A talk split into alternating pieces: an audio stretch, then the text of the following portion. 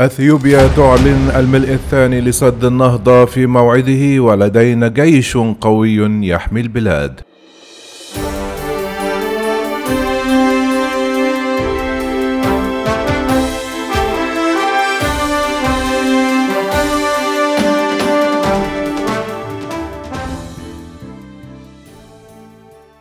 أكدت الخارجية الأثيوبية مجددا الثلاثاء أن الملء الثاني لسد النهضة سيكون في موعده المقرر.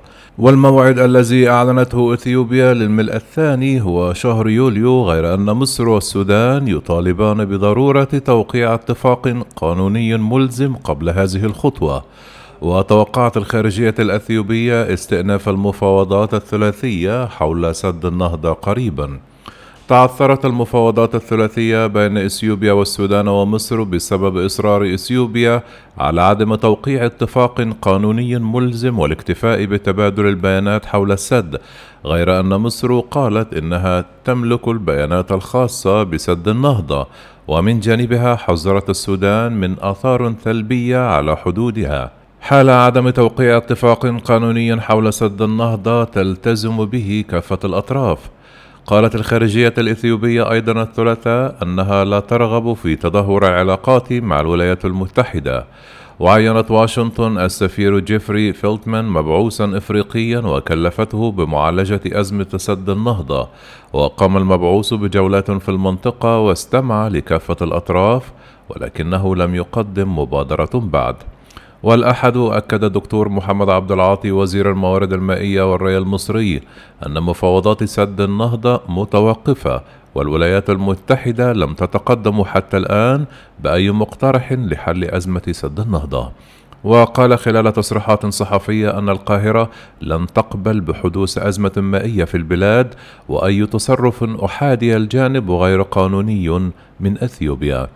كما أضاف أن الملء الثاني لسد النهضة سيسبب صدمة مائية لمصر.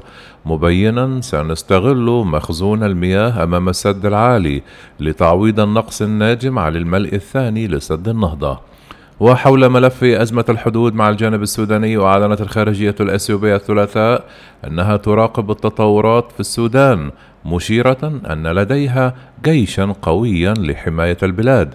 والسبت الماضي قالت مصادر عسكرية أن حشودا لقوات إثيوبية مدعومة بميليشيات الأمهرة تتجه نحو مستوطنة قطراند الإثيوبية داخل أراضي الفشقة السودانية التابعة لولاية القضارف.